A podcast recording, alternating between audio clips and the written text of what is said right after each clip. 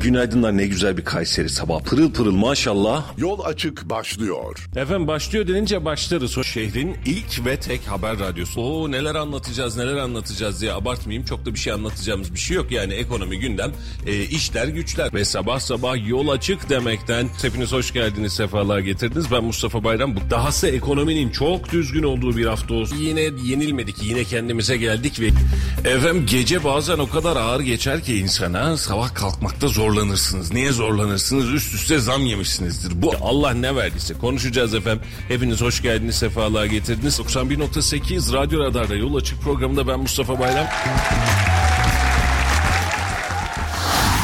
Radyo Radar yol açık başlıyor. Efendim hayırlı sabahlar, günaydınlar. Bugün de size merhaba demek kısmet oldu ve bugün de Yol Açık programıyla sizlerle birlikteyiz 91.8 Radyo Radar'da Kayseri'nin ilk ve tek haber radyosunda ve Kayseri'nin en çok dinlenen sabah programında sizlerle birlikte olmanın keyfini yaşıyoruz. Ben Mustafa Bayram ve şu an itibariyle yayınımıza hoş gelmiş Halil İbrahim Öztürk. Hoş bulduk, günaydın. Günaydınlar efendim, nasılsınız? Çok teşekkür ederim. Siz nasılsınız Teşekkür Bey? ediyorum. Sağ olasınız. Sizi görünce daha iyi oluyoruz. Ee, güzel bir gün olsun, bereketli bir gün olsun, hayırlı bir gün olsun. Keyfimiz yerinde olsun, keyfimiz hatta bol bol olsun. Memlekette hep güzel haberler alalım. Bugün de güzel haberlerle başlangıç yapalım inşallah değil mi? İnşallah. Var mı güzel haber? Yok. Bulacağız bakalım. Hepsine bakacağız efendim. Öncelikle hemen bir açılır açılmaz bir para piyasalarından başlayalım gündeme. Daha sonra da Türkiye'yi, Kayseri'yi tartışmaya, konuşmaya devam edelim. Dün itibariyle Amerika e, Merkez Bankası diyelim FED faiz kararını açıkladı ve 75 puanlık bir artışı yeniden tekrar etti ve sona gelindiğinde aslında hemen hemen ifade etmiş oldu. Bu da otomatik olarak dünya piyasasında da Türkiye piyasasında da dolarda daha hafif artı pozisyonlu bir seyir oluşturdu. An itibariyle Türkiye'de bankalar arası piyasada dolar kuru 18 lira 63 kuruş olurken euro ise 18 lira 34 kuruştan işlem görüyor. Altının onsunda bir miktar gerileme var düne nazaran 1637 dolardan altının onsu da işlem görüyor. Brent petrol ise 95 dolar 79 sentten, sentten işlem görüyor. Serbest piyasaya bir bakalım kapalı çarşıda durum nedir? 18 lira 75 kuruş dolar fiyatı 18 lira 45 kuruş ise euro fiyatı olarak göze çarpıyor. Altının onsundaki düşüş yine yansımış oldu. Şu an itibariyle gram altın tam olarak 1000 lira. E, çeyrek altın ise 1630 liradan işlem görüyor. Bu da altının e, geçmiş dönemde ve bugünlerdeki var olan kadersizliği haline gelmiş oldu. FED e, faiz indirimi yaptı, faiz, e, faiz artırımı yaptı. E, dünya faiz artırımını belli bir miktarda daha devam ediyor ama dün de herhalde değil mi Cumhurbaşkanı'nın bir açıklaması vardı. Göreceksiniz yakında onlar da faiz indirerek enflasyon modeline geçecekler diye. E, FED de aslında e, hemen hemen açıklamasında e, bunun son olduğunu, sona gelindiğini söyledi. E, faiz artırımı konusunda önümüzdeki dönemde FED'den faiz artırımını görmeyeceğiz gibi bir e, hava var işin içerisinde ama tabii ki e, dönem neyi gösterecek bunu da bilmiyorum ama her faiz artışında geçtiğimiz dönemde Avrupa Birliği Merkez Bankası da biliyorsun aynı faiz artırımı yaptığında e, euro da bir artış meydana gelmişti. Şu an itibariyle de e, aynı artışı dolar üzerinde de yaşayabiliyoruz. Bu da bizim makus kaderimiz olarak herhalde öne çıkıyor. Ne dersin Halil'cim? Artışlar Mart ayına kadar finans kuruluşlarının öngörüleri genelde IMF'nin ya da Avrupa Euro bölgesinde e, farklı farklı finans şirketleri Mart ayına kadar artışların azalarak devam edeceği yönünde öngörüleri var. Yani 75 baz puan değil ama işte 50 ya da 25'lik bir iki artış daha öngörüyorlar ama öbür taraftan da artırılmaması gerektiğini artık bunun fazlasıyla yeter olduğunu e, resesyonların nedeni olduğunu ve üretimin e, düştüğünü belirtiyorlar. Evet. Tam tersine artık faizi daha fazla artırmayın yeter biraz daha da düşürün sesleri geliyor ama e, bekleyip göreceğiz neler olacak. Valla e, dünya bir hengameye bindi ama sonucunu gerçekten hepimiz merak ediyoruz. Ne olacak acaba diye. E, sonucu da şu ana kadarki dönemde Türkiye ısrarla faizi indirirken e, Avrupa'da, dünyada ısrarla faizi arttırmaya devam etmiş oldu. Ha buradaki problem aslında şu. Mesela Amerikan Merkez Bankası'nın Fed'in yapmış olduğu faiz artırımıyla şu an yanlış hatırlamıyorsam 4 civarında filan bir faizi var. 3,5-4'ler seviyesine geldi. 3,5-4 civarında ama biz şu an bu kadar indirdiğimiz haliyle gelebildiğimiz nokta zaten daha o 10,5 daha biz onu 9'a e, 8'lere çekmeye çalışıyoruz. Aslında bu matematikle baktığında dünyada uygulanan faiz oranı ile bizdeki faiz oranını dengelemeye çalıştığımız bir hava var işin içerisinde. Yani biz faizi düşürdük düşürdük diyoruz ama ya nereye kadar düşüreceksin Avrupa dünya arttırıyor diye düşünebilir vatandaşlarımız. Ama oradaki artışta o adamlar e, %1'deki faizlerini %3'e %4'e çekmişken biz de %20'ler %30'lar civarındaki faizimizi %10'a çekmeye doğru bir evrilme var. Dönem doğru mudur bilmem. Dönemin sürecini bilmem. Geçtiğimiz günlerde hatta dün birkaç tane makaleden denk geldi. Çok sert makaleler var bu konuyla alakalı bir taraftan da. E, vatandaş özellikle fakirleştiriliyor. Bu özellikle planlı bir kurgudura kadar giren makaleler okumaya başladım. E, garip geliyor işin açıkçası. Ama e, geçtiğimiz yıldan bu yana faiz sebep enflasyon sonuç dediğimiz denklemin doğru olmadığını ben en azından şahsım adına gördüm. Yani faizle enflasyonun e, birbirine sebep ve sonuç olduğunu gösterir bir emareyle rastlamadık. E, yani faizi bize düşürürken beraberinde enflasyonun da düşmesini bekliyorduk ama faizi düşürürken enflasyonu kat ve kat arttık. Piyasa belli bir noktadan sonra oturur enflasyon da daha sonrasında düşer mi bilmem ama şu ana kadar bu veriyi görmedik. Ya hiçbir zaman faiz sebep öbürü sonuç bilmem ne. Bu zaten tek başına bir öngörü de değildir. Bunu söyleyen ekonomist ekonomist de değildir. Cumhurbaşkanımız söyledi. Bir tane yolu var. Tek bir tane yolu var. Üretim yapmadığınız sürece ne faizleri kontrol altına alabilirsiniz ne de enflasyonu, ne cari açı, ne dengeleri, ne üretimi, ne istihdamı hiçbir şeyi kontrol altına alamazsınız. Tek bir tane yol var Mustafa Bey. Buyurun. Üretim. Üret. Ne ürettiğinin hiçbir önemi yok. Bakın aylarca burada e, dile getiriyoruz. Ne ürettiğinin hiçbir önemi yok. Yeter ki üret ve bir katma değer oluştur. Siz demirin tonunu ham madde olarak satarken örnek veriyorum e, 10 bin dolardan satıyorsunuz tonunu rakamları yuvarlak söylüyorum 10 bin dolardan satıyorsunuz ama demiri işleyen e, yurt dışından işlediğiniz zaman bir mıknatıs aldığınızda bir toplu iğne aldığınızda ya da o demirin kullanıldığı herhangi bir şey aldığınızda tonu 500 bin dolarlara geliyor. Evet. 10 bin dolarlardan 500 bin dolarlara. Dolayısıyla Türkiye'nin e, 6 ay önce de 1 yıl önce de söylediğimiz bu yüksek kur, e, muhabbeti düşük faiz, işte biz ihracatı artıracağız de o zaman da söyledik en büyük tehlike ham madde ihracı dedik. Türkiye'den ham madde ihracını siz artırırsanız düşük kurlarla yani onlara göre düşük kurlarla bize göre yüksek e, kurlarla gönderirseniz sanki sizin yurt dışındaki e, ihracatınız artmış gibi gözükür ama tekrar siz onu satın almaya kalktığınız zaman kat be kat fazlasını alırsınız. Sizin ihraç ettiğiniz ürünlerin bile içerisinde, imalat yaptığınız ürünlerin bile içerisinde %65 oranında ithal ürünler oluşuyorsa o zaman bir yerlerde yanlışlık var. Evet. İthal e, yapacağımız ürünlerde e, özellikle lüks tüketim mallarında yüksek vergiler ama öbür taraftan da ihraç edeceğimiz ürünlerde de özellikle ve özellikle ham madde kısıtlamasına gitmediğimiz sürece başımıza bela olacak diye aylarca söyledik. Geldiğimiz noktada da maalesef Hala alıyor. Şimdi dış ticaret açığı dün açıklandı Halil. Astronomik bir rakam var. Hatta biz Halil Bey'le beraber dışarıdaydık. Ee, radardan bir baktım. Dış ticaret açığı yüzde Ekim'de yüzde 400 arttı. 430 arttı diye bir haber gördüm. Hatta bizim ekibe aynı dakika itibariyle arkadaşlar haberden emin misiniz? Kaynağınız doğru mu dedim. Yani yüzde 430 dış ticaret açığının artması infial ulaştırabilecek bir rakam. Emin miyiz biz? Yani yüzde 40'tır yüzde 50'dir belki dedim. Sonra arkadaşlar kaynakları gönderdiler. Ne yazık ki haber doğruymuş. Ben yolda öğrenince bile şoklandım. Ticaret Bakanı Mehmet Muş tarafından açıklanan Ekim ayı dış ticaret istatistiklerine göre ihracat geçtiğimiz yılın aynı ayına göre %3 artışla 21.3 milyar dolara yükselmiş. İthalat 29.3 milyar dolar olmuş. Dış ticaret açığı Ekim'de %430 artışla 8 milyar dolar olmuş. Bizim için aslında önemli mali kriterlerden bir tanesi buydu Halil doğru mu? Yani bizim dışarıya daha fazla mal satmamız, dışarıdan daha az mal almamız, mal almamız gerekiyordu. Ve dış ticaret açığını bizim yok etmemiz gerekiyordu. Bunu standart olarak şöyle belirliyoruz. Bunun içerisinde turizm gelirleri de var dış ticaret rakamının içerisinde. Hatta paritesi değiştirilerek eklendi. Eğer o eklenmeseydi herhalde durumumuz başka olurdu. Geçtiğimiz gün bunun haberini okumuştuk. Sen duymuş muydun hatırlıyor musun bilmiyorum. Dış ticaret rakamlarında turizm gelirleriyle alakalı bugüne kadar tuttuğumuz veri gümrük kapılarında gurbetçilerden ya da gelen gidenlerden aldığımız anket sonuçlarıymış. Mesela geldiğimizde şunu söylüyormuşuz. Ne kadar para harcadınız? Buraya ne kadar ödediniz filan diyormuşuz. Bu gelen rakamlarla biz gidiş çıkış, çıkış sayılarına göre bir indeksleme yapıyormuşuz. Ee, devlet yaklaşık dış ticaret açığında %20 itibariyle %20'ye yakın fark edecek dediği bir formülizasyon ortaya koydu. Ne bir formülizasyon? Sağlık harcamaları ve kredi kartı harcamaları piyasaları.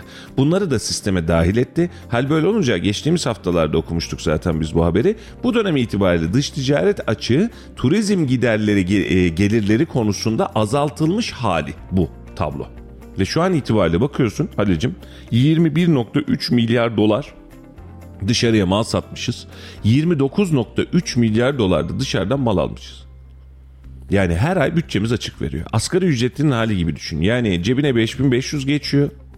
Ama bu 5500'ün yerine 8000 lira her ay harcama yapıyor. Harcamanın bir miktarını şimdilik kredi kartıyla eşten dosttan borçla halledebiliyor. Ama bu sürdürülebilir ve makul bir seviye değil. Ve Ekim ayı da bizim atıyorum ihracatımı ithalatımızı değiştirebilecek dengelerin olduğu bir ay değil. Yani şöyle olur mesela hani sezon itibariyle biz bu sezonda mal satamıyoruz kardeşim. Biz 3 ay sonrasında daha fazla mal satacağız diyebileceğimiz dönem değil. Geçtiğimiz dönemlerde de biliyorsun %25 e, ithalatı arttırdık diye övgüler yaparken %45 ihracatın e, de, de, de, arttığını azaldığını dengelemeyi bunları açıklamamayı tercih ediyorduk. Bakan Bey de tabii ki bunu açıklamadı. Yani %3 artış yaptık dedi ihracatı dedi. Herkes bunun gözünün önüne bunu aldı ama ithalatta e, e, ithalat 29.3 milyar dolara çıktığı için yüzde 430 Ekim ayında bir artış var. Bence çok fahiş ve astronomik fiyat. Geçen senenin aynı dönemine göre artış yani Ekim'le Ekim'i kıyaslama bu. Evet. Tabii ki Ekim ayı. Ekim ayı özel. Evet. Şimdi buradan bir bakalım e, haberden başka bir e, veri aldı elde edebilecek miyiz?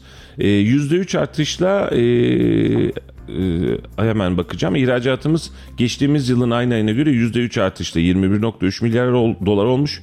E, Ocak-Ekim dönemi ihracatı %15 artışla 209.5 milyar dolar olmuş. Enerji ve emtia fiyatlarında yaşanan sert artışın etkisiyle ithalat Ekim ayında 29.3 milyar dolar olurken bu rakamın %26'sı enerji ithalatı kaynaklı olmuş. Benzer şekilde Ocak-Ekim dönemindeki ithalat artışının %51'i enerji ithalatından kaynaklanmış. Ekim'de ihracatın ithalatı karşılama oranı 20.5 puan azalarak %72.7 olmuş. Bu dönemde yani %70'ini karşılayabiliyoruz ürettiğimizde. Yediğimizin %70'ini karşılayabiliyoruz. Bu dönemde enerji hariç ihracatın ithalatı karşılama oranı ise %89 olarak gerçekleşmiş. Yani burada da şöyle bir veri var Halil'cim. E, enerjiyi çıkarsak hani emtia fiyatları, enerji fiyatları çok yüksek diyoruz ya. Enerji fiyatlarını çıktık hiç enerji almadık. Yani enerjiyi bu hesabın içine katmadık dersek burada karşılama oranımız ithalatın ihracatı karşılama oranı da %89. Enerji çıktığında bile biz %90'lardayız. Hala burada açığımız var. Öte yandan son dönemde altın ithalatındaki yükseliş ithalat rakı artışına etkili olmuş. Söz konusu artış Ocak-Ekim döneminde devam etmiş. Toplam altın ithalatı bir önceki yılın aynı dönemine göre %198 artarak 15.2 milyar dolara yükselmiş. Nasıl rakam? Güzel rakam. Güzel rakam. Peki. Üretmediğimiz sürece bunlarla daha çok karşılaşacağız. Valla üretmenin ötesinde bence e, üretmek çok önemli. Buna bu anlamda seninle fikrim. E, ama üretmenin ötesinde bizim bu mali problemi çözebilecek gerçekten çok akılcı bir çözüm mekanizmasına ihtiyacımız var. Bak biraz önce sen de söyledin. E, faiz sebep enflasyon sonuç demek bir ekonomi politikası olmamalıydı ya da ekonomik anlamda verisel anlamda bunun bir değeri yok. Şimdi e, Tayyip Bey bu dönemi faizi sıfırlayarak aslında e, karar verdiği dönemde de birazcık masum bile kalabiliyor. Şöyle kalabiliyor. Ekim-Kasım döneminde biz faiz sebep enflasyon sonucu konuşuyorduk geçen yıl bu zamanlar ve geçen yıl bu zamanlar Rusya-Ukrayna savaşı da henüz başlamamıştı. Yani ortada böyle bir savaş yoktu. Biz en fazla dolardan e, %50 %100 civarında bir fark yiyecektik. Oturacaktık oturduğumuz yerde kendimize gelmeye çalışacaktık. Faizi düşürdük demeye çalışacaktık. Ama üzerine bir de savaş bir de enerji fiyatlarının e, yükselmesi, yükselişini her birinin üst üste koyduğumuz anda bizim planın tutmadığı gibi normal reel mantıkta da tutmadığı gibi bir de üzerine emtia fiyatlarıyla dünya üzerindeki e, enflasyon artışını beraber hazmetmiş olduk. Gitmiyor. Yani yalana gerek yok gitmiyor ve biz hala ısrarla bakın göreceksiniz bunlar da böyle olacak diyoruz ama olmadı. Yani değerli dostlar bakın bugün itibariyle bugündü değil mi günü enflasyon rakamını açıklanacak. Bugün ENAK verisi de TÜİK verisi de enflasyon verilerini açıklayacak. Biz yüzde kaç enflasyon açıklayacağız gerçekten merak ediyorum ama herkes dün bizim sayfada da vardı. Adam bir yıl öncesinde açmış e, marketten dört parça beş parça ürünü hatta duruyorsa bakalım bir Hadil. E, 4 parça beş parça ürünü e, sepetine atmış. E, ben bu sepeti hesap ettim demiş. Altında fiyatı var. E, aradan bunca vakit geçmiş. Bir yıl geçmiş ya da kaç ay geçtiyse. E, bunun sonrasında çıkartmış. Ben bu e, aynı markette aynı online shopta e, bu fiyatı nasıl çıkacağım demiş. Bakın burada var. 10 Aralık 2021 2 Kasım 2022. Toplamda kaç parça ürün var? 4 parça ürün var. Bir tane altılı küçük süt var 200 mililitrelik. Bir tane e, ısıl işlem görmüş kangal sucuk var. E, bir tane 6 tane pardon Beypazarı'nın maden suyusu var e, paket halinde. 4 tane de 1 litrelik süt var. Bakın hepsi bundan ibaret. Bir yıl öncesinde 10 Aralık 2021'de bunun fiyatı 115 lira 80 kuruşken şu an itibariyle bunun fiyatı aynı market aynı sepet 324 lira 75 kuruş. Aradaki fark ne kadar Halil'cim? %300'e yakın doğru mu? %280'ler filan civarında kalır. E yazık değil mi vatandaşa? Şimdi biz bugün oturacağız. Gıda dahil enflasyon paketi, gıda hariç enflasyon paketi açıklayacağız. Şimdi gıda dahil, gıda hariç, gıda enflasyonu filan diye geçiyoruz ya. Gıda enflasyonunu bile açıkladığımızda e, %110, %120 bilemediğin %150 civarında açıklıyoruz ama pazardaki enflasyon bunu zinhar tutmuyor. Yeni domates aldım 25 TL ya. Dedim yani ne özelliği var? Organik mi? E, pamuklara sararak mı büyüttüler diye şaşırdım. Biber olmuş 18 lira. Şöyle bir birkaç kaleme bir baktım. Bir yıl iki yıl önce 3 lira 4 lira 5 lira olanlar olmuş 20 lira 25 lira. Aynen öyle. %300, %400 zaten şu an pazarda var. Korkunç rakamlar korkunç. Bak yeme içmede, gıdada, evsel tüketimimizde bak ya evde kullanabileceğimiz malzemelere bir baksana Halil. Ee, daha dün yeniden aradıkları için sana yeniden söyleyeyim. İnterneti ne kadara kullanıyordun kardeşim geçen yıl? Geçen yıl bu zamanlar. Evindeki internet. Yok şöyle ben en son iki buçuk sene önce taahhüt vermiştim. 84 TL ödüyordum. Yani 25 megabitlik, özür dilerim 35 megabitlik sınırsız internet. 35 TL ödüyordum ama bunun içerisinde televizyon izleme şimdi isim söylemeyelim. Ee, normal kanalları da izleyen bir platform. Hem internet hem TV diyebiliriz. 84 TL. Şu an ne kadara denk geliyor kardeşim? Ee, Şubat ayıydı yanlış hatırlamıyorsam. Şubat ayında dediler ki 140 TL olacak. İşine geliyorsa bu. Yok dedim işime gelmiyor dedim. Farklı bir şekilde çözüm e, buldum. Şu an 180-200 TL diyorlar. Evet. Yani 2 yıl önce, iki buçuk sene önce 84 TL ki o zamanın en pahalı üst paketti o, o tarihlerde. Şu an aynısına 180-200 TL diyorlar. Ve şu an telekomünikasyon e, hemen hemen faizi en az artan e, şey e, pardon faizi diyorum özür dilerim. Fiyatı en az artan ürünlerden bir tanesi. İletişim sektörü yani bunun içinde hem GSM hem internet son iki yılda en az artan sektör. En o bile artan. o bile %100'ün üzerinde Enflasyon içinde en az payı olan sektör olduğu halde %100'ün üzerinde. Aynen öyle. Şimdi bakıyorsun e, evde kullanabileceğimiz her şeyi bir gözden geçirelim dilersen. Yani ufak bir gözden geçirme. Market fiyatlarında %300 %400'ü bulduk mu? Ben şahsım adına geçtiğimiz gün o toplu alışverişten sonra ben beynimden vurulmuşa döndüm. Net döndük. Daha dün bir yerde muhabbeti geçti. Bir e, cips markası. Hani böyle kutunun içerisinde boru gibi olan şey Evet. isim vermeyelim. Kaç TL olmuş? 52 TL olmuş. Canım benim. 52 lira. Yani şaşırdım, çıldırdım. Ya bir yıl önce fazla da iki yıl öncesinde gitmeye Memurun gerek- bir öğünlük yemek parası. Yani bir, bir yıl önce 16-17 TL'ydi. Evet. Bir yıl ya bir yıl. Yani olmuş işte 3 katı. Şimdi peynirimiz, zeytinimiz, yağımız, şekerimiz, unumuz, deterjanımız bunların her birinde işte atıyorum tuvalet kağıdı, peçete, vırt zırt ne diyorsan ağız, aklına ne geliyorsa her birinde %300'ün üzerinde %300'e yakın ve üzerinde yani %300'ü geçen de var %300'ün altında %200, %250 civarında olan var. Her birinde zam mı yedik mi? Yedik. 3'e Ev, katlamayan hiçbir şey kalmadı. ev kirasında en az 2, 2,5, 3 katına çıktık mı?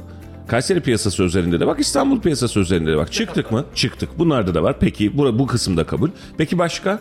Ee, mesela ne var? Ee, eğitim masrafları. Çocuğun eğitim masrafları. Kaça çıktık?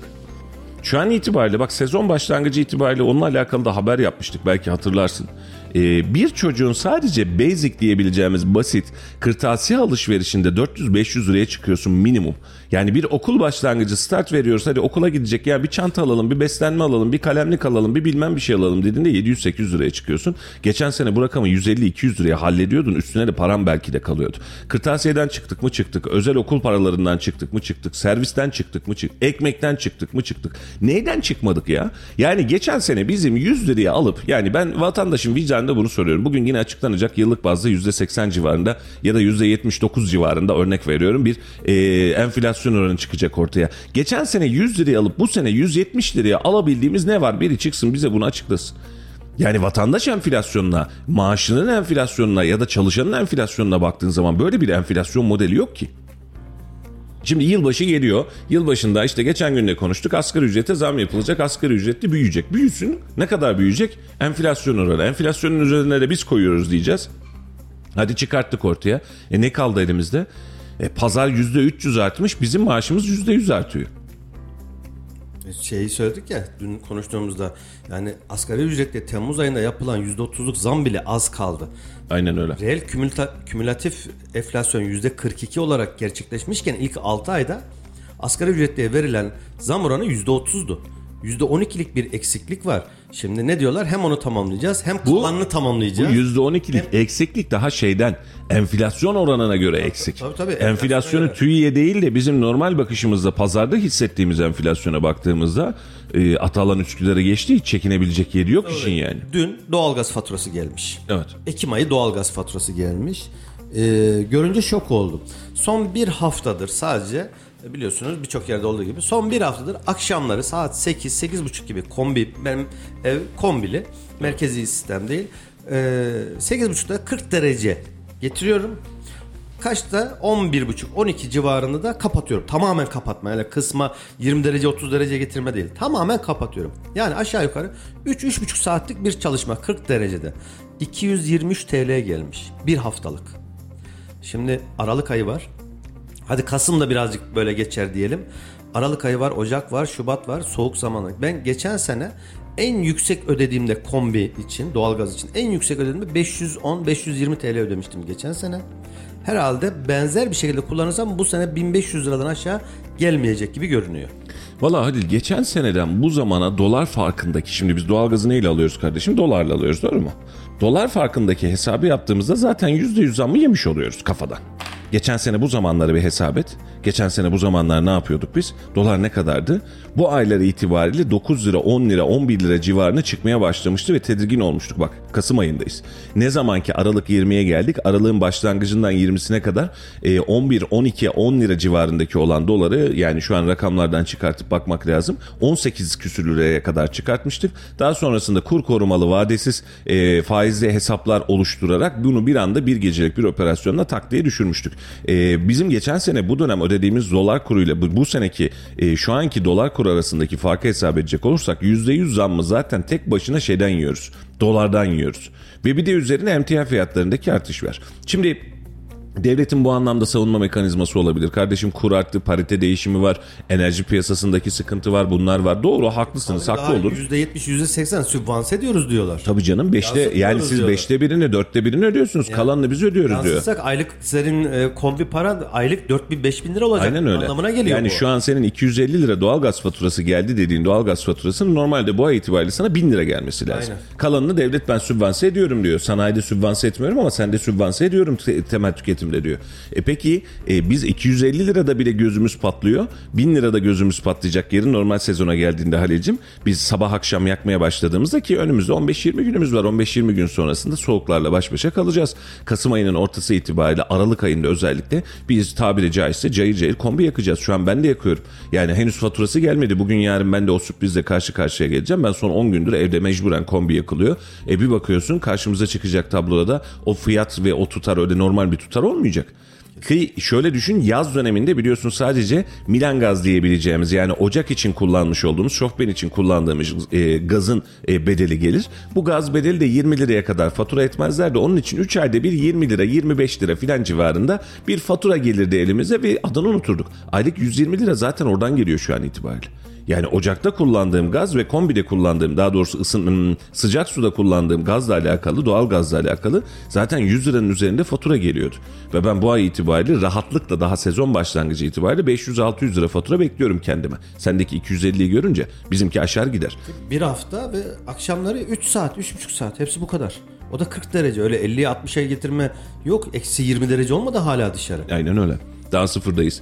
Onun için işimiz zora biniyor ve TÜİK verileriyle işte biraz önce A'dan Z'ye konuştuk tersini düşünen varsa buyursun efendim. E, canlı telefon bağlantısıyla alırız. Çok da problem değil.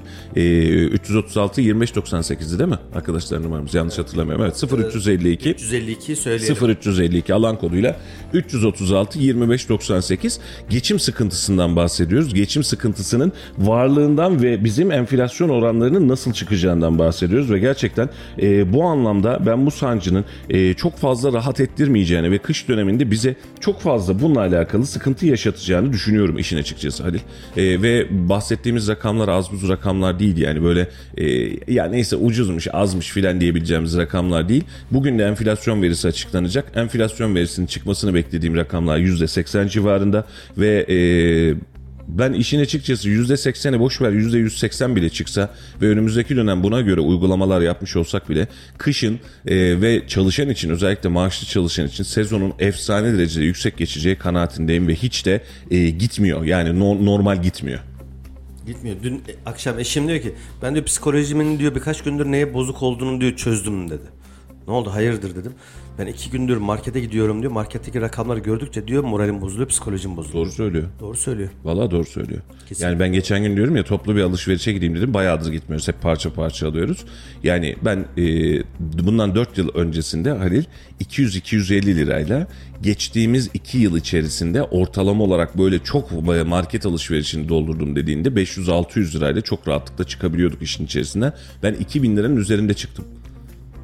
Ya market alışverişi kardeşim bu ya. Daha bu kaç günlük? Aylık Kaç gün- değildir ya bunun yani. içerisinde mesela et yok, tavuk yok vesaire yok. Yok yani. Hani ne var? İşte temel temizlik grubu var, deterjan var vesaire var. 2000 küsür lira ya. Yani e, 2000 küsürü de 2500'e yakın öyle az küsür değil yani. Hani 2500 lira civarındaki bir rakamla çıkıyoruz. Ve bence çok zorlayacak yani bizi efsane derecede zorlayacak. Şimdi mesaj var e, Almanya'daki bacanakla konuştum demiş Ahmet Bey.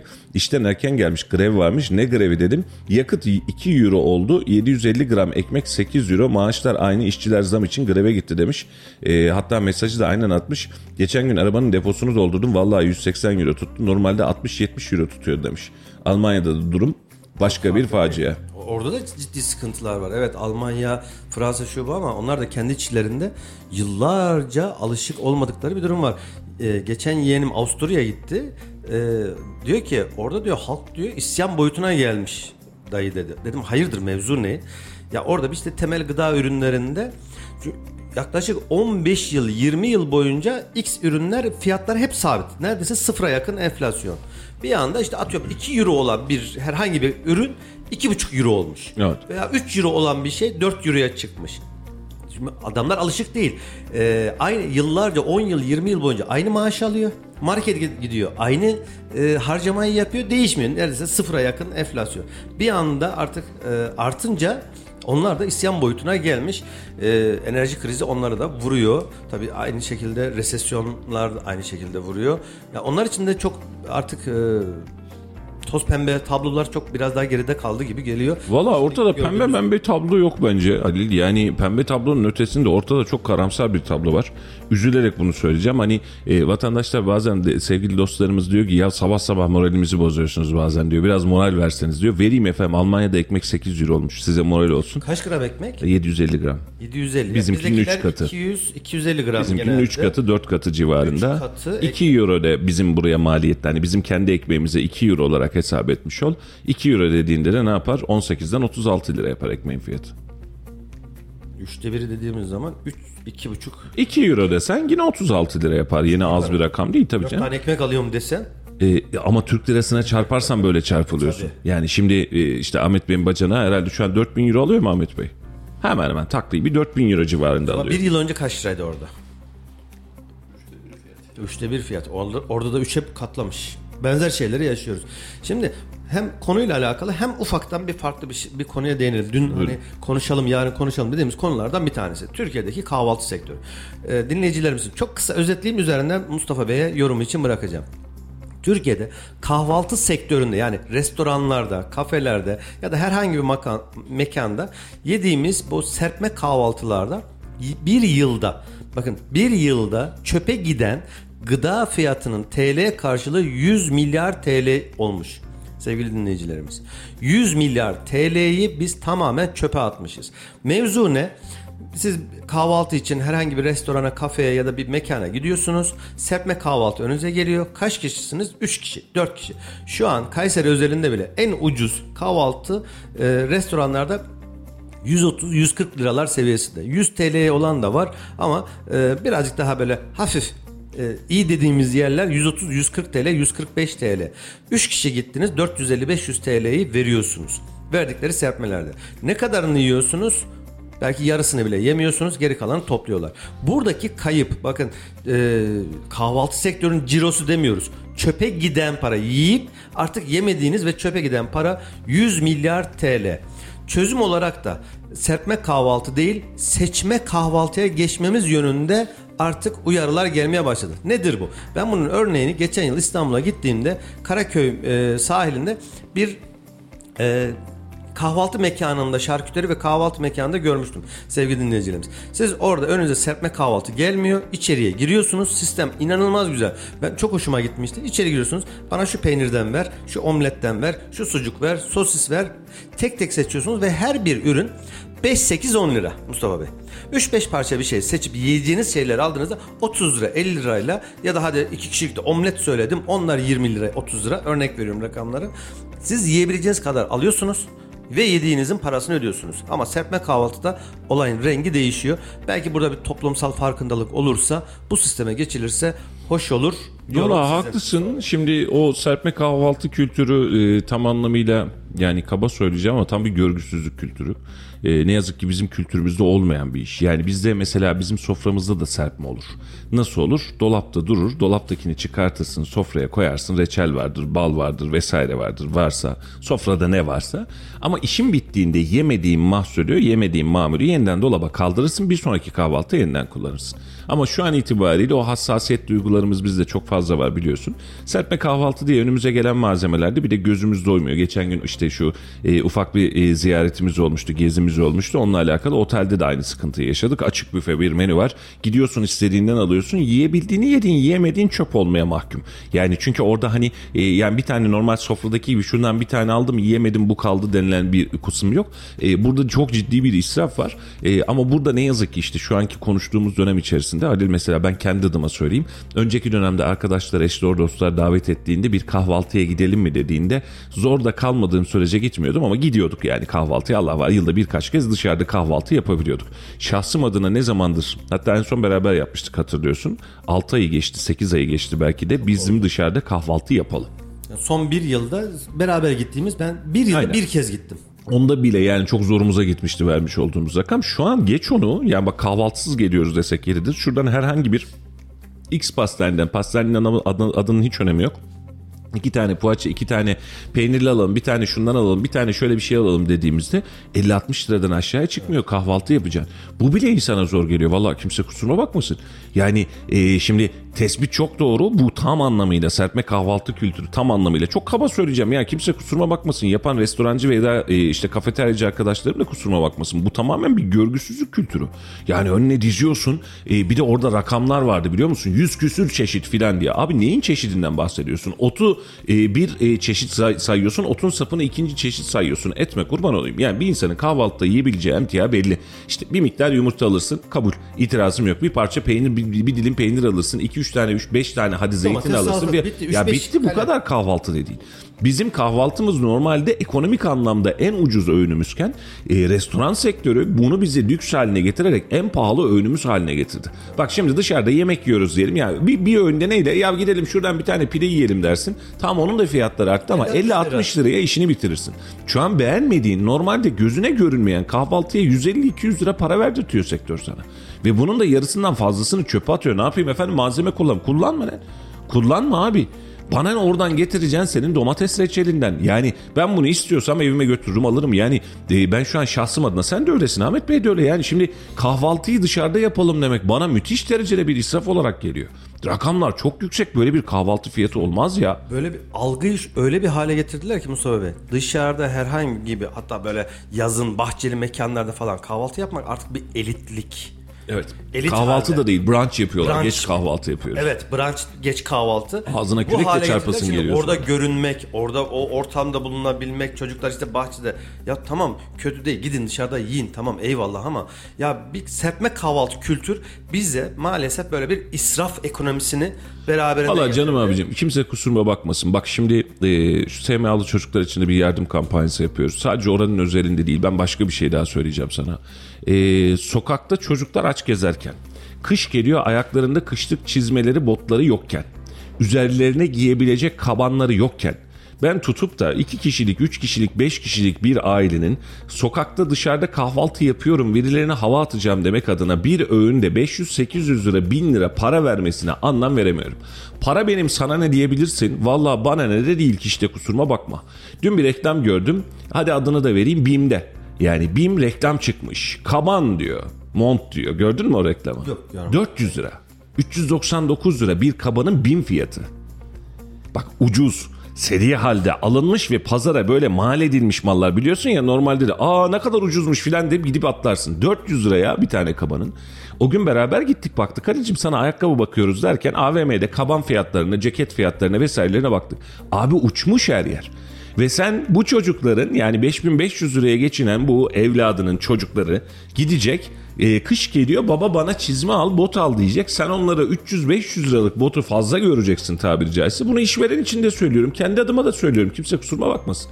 Sonra geleceksin 500 lira 1000 lira bir yerde sadece kahvaltı yapacağım. Dostlar alışverişte görsün. Aa bak komşular ben de buradayım filan demek için bu parayı vereceğim. Valla e, Ve yarıdan fazlası çöpe gidiyor. yani ben burada şunu söylemek istemem ama Halil yani kızacak belki arkadaşlar. Ben e, bu, bununla alakalı bir icazet verebilecek ya da fetva verecek makam değilim ama e, komşusu açken tok yatan bizden değildir diyorsak şu an yapabileceğiniz e, ortaya çıkartabileceğiniz bu, bu tür israfsal e, faaliyetlerin tamamı e, parayı siz de kazanıyor tam anlamıyla haram. Haram kardeşim etmeyin. Yani Bak Adil şimdi bizim e, Can Bey var sağ olsun böyle yardım işleriyle falan uğraşır. Geçen gün kaban göndermiş, geçen Mardin'den bir okul göndermiş. Biz de karınca kararca ya kendimiz halletmeye çalışıyoruz ya arkadaşlara pas ediyoruz. E, geçen kıştan ben bunu biliyorum. Bak bu kış yaşayacağız bunu. Şu an gidin köy okullarına, gidin bir bakın. Milli Eğitim'den alın bilgisini. Buradaki köy okulları, ilçe okulları dahil olmak üzere cebinde 5 kuruş parası olmayan anne babaların çocukları o çocukları nasıl okula göndereceğim diye düşünürken üzerinde kaban olmayan, ayakkabı olmayan, ceket olmayan onlarca yüzlerce çocuk göreceksiniz. Kışın ortasında bak sen şu an kombi yakıyorum evde ve bunun faturası ne kadar diye düşünüyorsun ya bak bu bizim için de bir imtihan. Dışarıdaki insanlar için yani oradaki insanlar için ya kombi yakmayı boş ver battaniyemiz acaba delik mi değil mi kaygısında. Çocuğun ayakkabısı yok terliğe benzer ayakkabıyla yazlık ayakkabıyla okula gidiyor. Ve biz bu hadisenin içerisinde biz acaba kahvaltıyı nerede yapsak? Acaba burada bunu yapabilir miyiz? Aa elmas pırlanta günleri başlıyormuş. Abi geçiniz ya. Toplumsal patlamayı daha sonra niye böyle yaşıyoruz diye düşünüyoruz. Bakın ekonomik krizin bize getirmiş olduğu maliyetlere bir bakalım. Memlekette şu an itibariyle son bir yıldaki veriyi açalım. Son bir yılda sadece hırsızlık olayına karışmış insan sayısı herhalde 10 binin üzerindedir. Bizim bu kadar hırsızımız falan yoktu memlekette. Şimdi memur arkadaşlarla da görüşüyoruz. Bazen adliyedeki arkadaşlarla da görüşüyoruz. Bu arkadaşların hadisesinde hep sancımız şu. Ya sokakta gezen her insan artık potansiyel bir hırsız modunda. Niye? Sokakta para edebilecek bir şeyi eline alabiliyor. Ahlakı çökerttik biz ekonomik model sayesinde. Mesela hiç kimsenin gözüne görünmüyor bu. Farkında bile değiller. Fuhuşa sevki yükselttik biz bu ekonomik krizler sayesinde.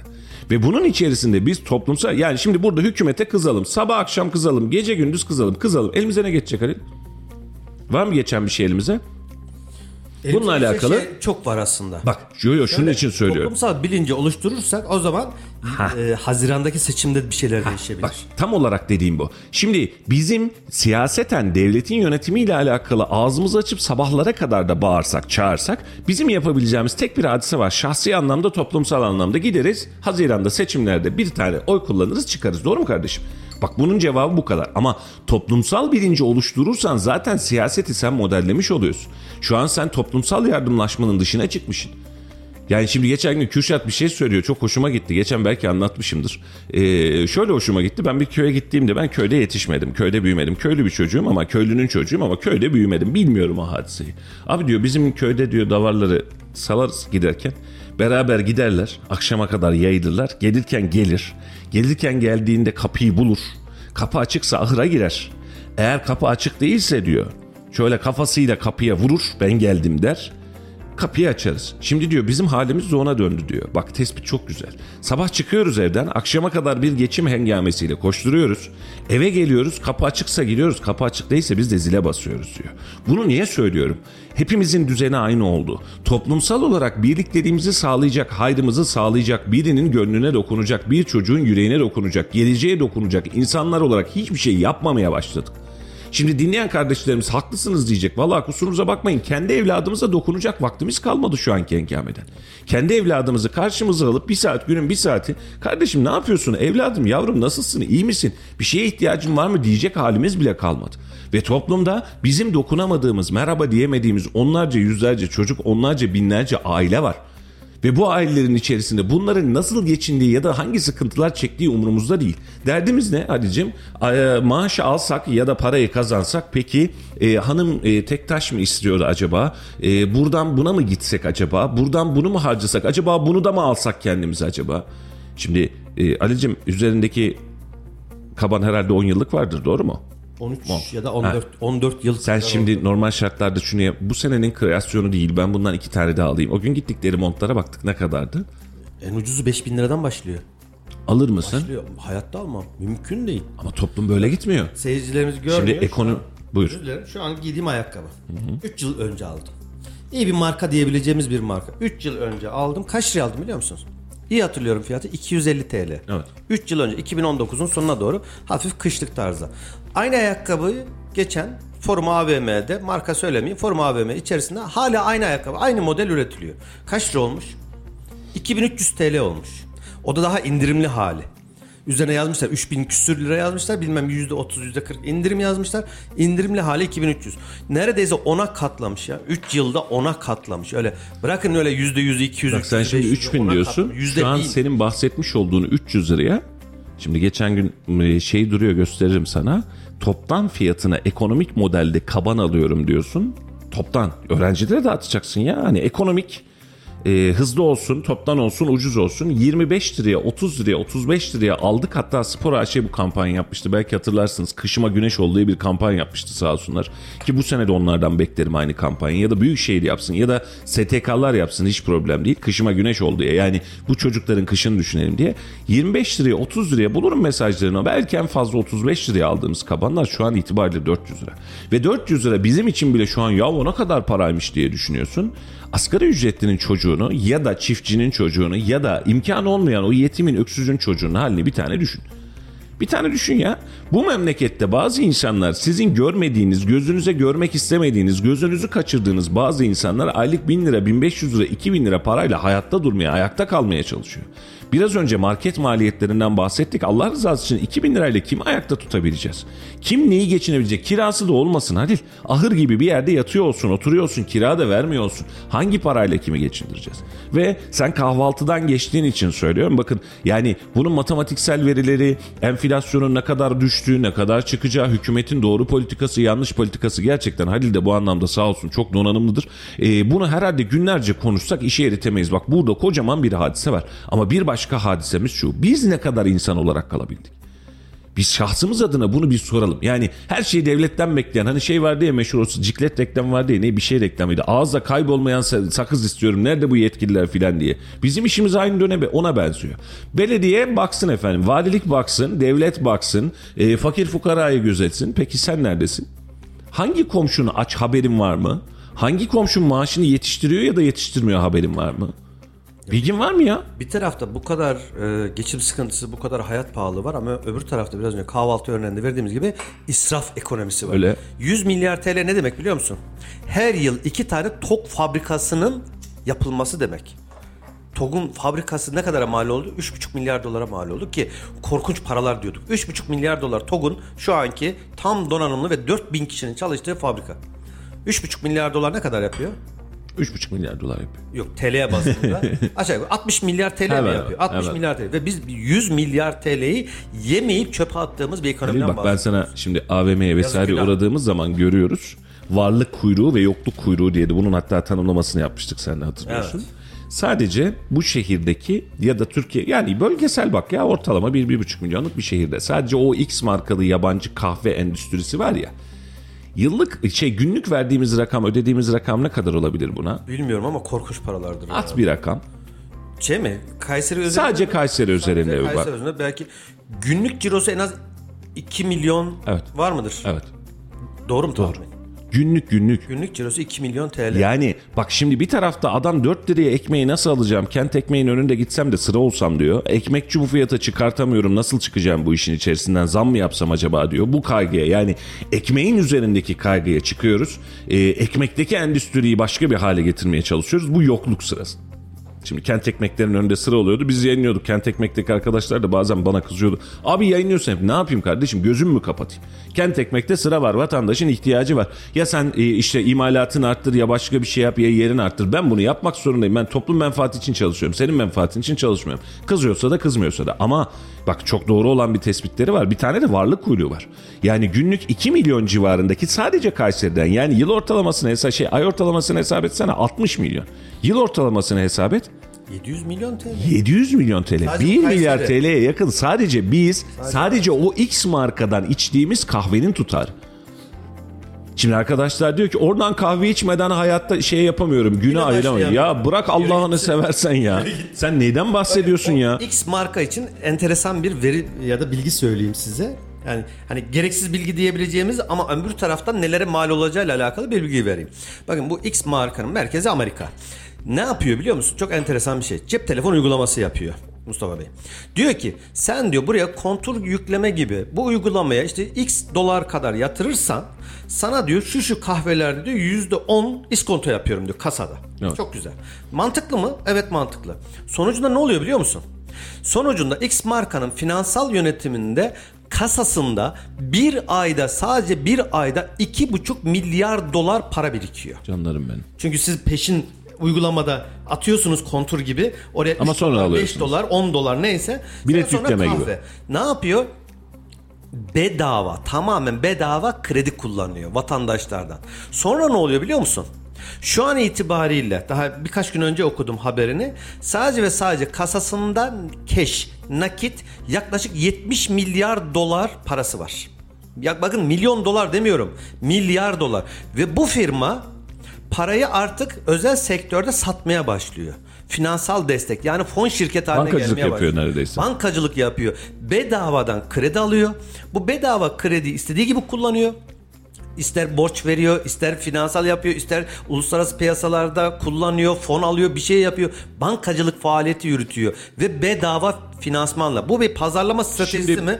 Evet. Kabul edilebilir. Ama Ee, e, sonuçları buna E, gidiyor. Şimdi e, buradaki işte bayağınız mesela Türkiye'de birçok ülkeden daha fazla. Bunu niye söylüyorum? Ya kimsenin ya da sermayenin ya da yabancı sermayenin düşmanı falan değiliz. E, sermaye işini yapsın, sermaye parasını kazansın. E, burada mesela Türk kahve zincirleri bizim Kayseri'de de var biliyorsunuz zincir oluşmaya çalışan. Biz niye bu pazarları, bu insanları bırakıyoruz diye oturup milyon defa sorarım. E, uygun bir marka çıkartıp niye bu işi yerlide bırakmıyoruz diye milyon defa sorarım. Çünkü bu insanlar bu paraları seninle paylaşmıyor, alıyor ve götürüyor. Paralar onların. E, şimdi bunu yerel markaları bu anlamda belki teşvik etmek ve güçlendirmek lazım. Bu problemleri de aşmak lazım. Ama ben şöyle bakıyorum kendi evladım için dahil olmak üzere e, gidip de bu markalardan e, 50 liraya, 40 liraya, 60 liraya bir tane kahve içtim, bir tane orada boy gösterdim demek için verdiğimiz paranın rakamıyla biz mesela sadece bir ay boyunca bu markalardan biz almayalım dediğimizde biraz önce konuşmuştuk ya bir SMA'lı çocuğumuzun maliyeti çıkıyor ortadan. Bir çocuk hayata tutunuyor. İçmeyeceğin ya da kahveye verdin yani ya ben buraya veriyorum buraya da vereyim diyebileceğin rakamla bu ortaya çıkıyor.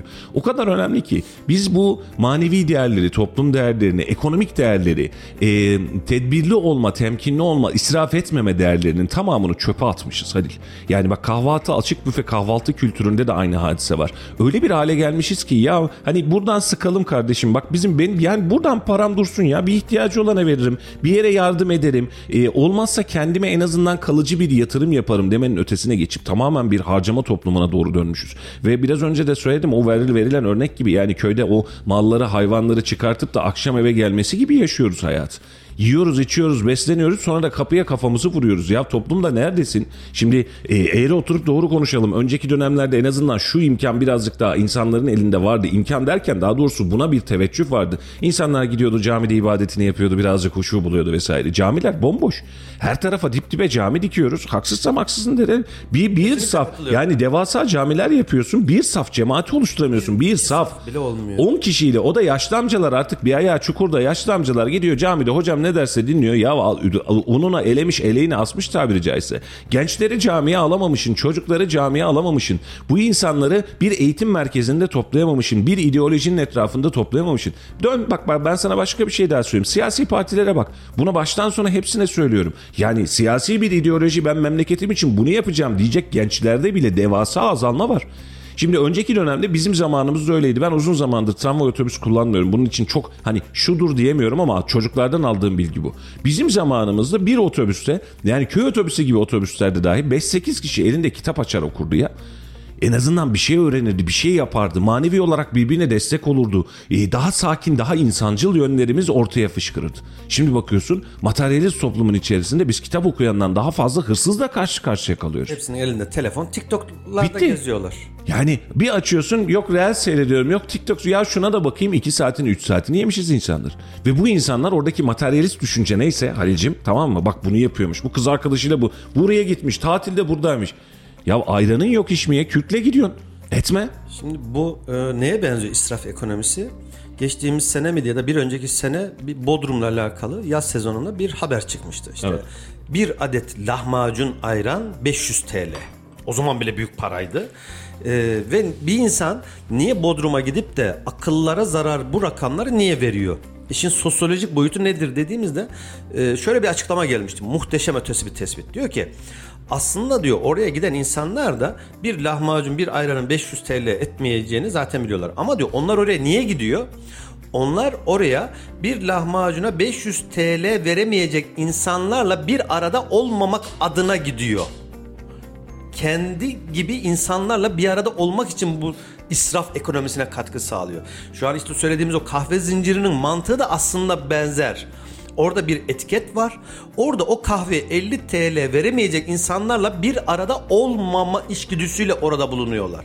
Kendini bir üst sınıfta, kas sistemi, bir üst sınıfta görme ihtiyacından dolayı. Sonuç Valla o İsraf. sınıfını yediğim arkadaşlara e, mezarlıklarda e, zenginlerin ve fakirlerin nasıl gömüldüğünü bir kez daha hatırlatmak lazım herhalde. Değil mi? Evet. aynı e, bir top bezle, aynı kefenle, e, aynı merasimle aynı yere, aynı toprağın altına gömülüyoruz. bir tane istisnası var. Özür dilerim. Bülent Ersoy asansör sistemi yaptı. Yaptırsın maşallah. O, o da toprağın altında aynı çürüme, aynı kurtlar ve aynı bakterilerle baş başa kalacak. Şimdi Orada bile israf e, var. ya Adil e, toplumsal olarak çığırımızdan çıkıyoruz. Şu anda dinleyen bazı arkadaşlar belki bu konuştuklarımızdan rahatsız oluyor. Çünkü herkes kabahatini bilir. E, ben de bazen kendi kendime sorguladığımda ne yapıyorum arkadaş diyorum. E, bu israfı olabildiğince maksimum hale getirdik. Yaşam standartımızı değiştirdik. Şimdi bir yere gittiğinde e, bu tarz insanlardan nefret ediyorum mesela. Üstündeki kıyafete, ayakkabına, kombinine, markasına filan bakıyor. Ne yapacaksın? Benim zenginliğimi, fakirliğimi buradan mı belli edeceksin? Yani ben cebimdeki parayı üzerime bezemek zorunda mıyım? Senin gözünün içine sokmak zorunda mıyım? Böyle bir dünyaya ihtiyacım yok ki benim. Gerçekten böyle bir dünyaya ihtiyacım yok. Şimdi Kayseri'de tanınmış bir iş adamı ilk kez görüşüyoruz. ikinci kez görüşmeye gittik başka bir şeyle alakalı. Böyle hatta Ramazan dönemi falan. Şimdi karşısında oturuyorsun bakışlarından hissediyorsun ya. Şöyle seni süzüyor. Üstündeki markaları bakıyor. Ayakkabına bakıyor, uyumuna bakıyor. Dost Neyin kafasına bakıyorsun? Dost başa düşman Aynen ayağa. öyle. Yani şimdi benim üzerimdeki kıyafetin toplamı 100 bin liralık olsa sana ne faydası var? 100 liralık olsa sana ne faydası var? Sana ne? Ben sadece şuna bakarım temiz mi? Doğru mu? Kokuyor mu? Yani tabiri caizse ben buna bakarım ya. Yani bu insan kendine bakıyor mu? Kendine özenli mi? Sadece buna bakarsın ya. Akıl almaz bir fantezi var işin içerisinde. Şimdi bir bakıyorsun birileri iddiaya giriyor. İddiaya girdiğinde diyor ki e, iddiaya girdiğinde diyor ki e, şu mağazadan diyor takım elbisesine diyor. Sebep şu çocuğa yardıma desen mesela hani şuraya hayretmesine desen Bunların hiçbirisi yok. Ve e, dikkat edersen tüm dinamiklerimiz şuraya doğru geçiyor Halil.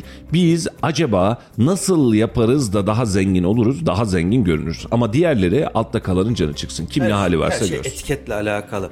Eskiden Osmanlı döneminde hatta Selçuklu döneminde camiler nereye yapılırdı biliyor musun? Yapıldığı yer mezarlıklarla iç içeydi. Evet. Dibinde. Her Bizim beş Hulusi Akar gibi. E, Evet evet Hulusi Akar benzeri. Eski camilere dikkat edin hepsi mezarlıkların yanındaydı. Mevzu ne? Günde beş vakit siz camiye geldiğinizde yanınızda mezarlık var. Unutmayın ölüm var. Buradan çıkınca buraya gireceksin. Evet. Biz şimdi ne yaptık? Mezarlıkları şehirlerin dışlarına almaya başladık hepsini. Camileri gösteriş amacıyla soba borusuna benzeyen minareler teşbih hata olmasın ama Öyle. maalesef öyle. Soba borusuna benzer saç profillerden estetik Minareler yok, yaptık. sanat yok, minareler yapmaya başladık ve ee, benim hayrım var, benim şunum var. Ya senin okula ihtiyacın var. Cami her yerde var.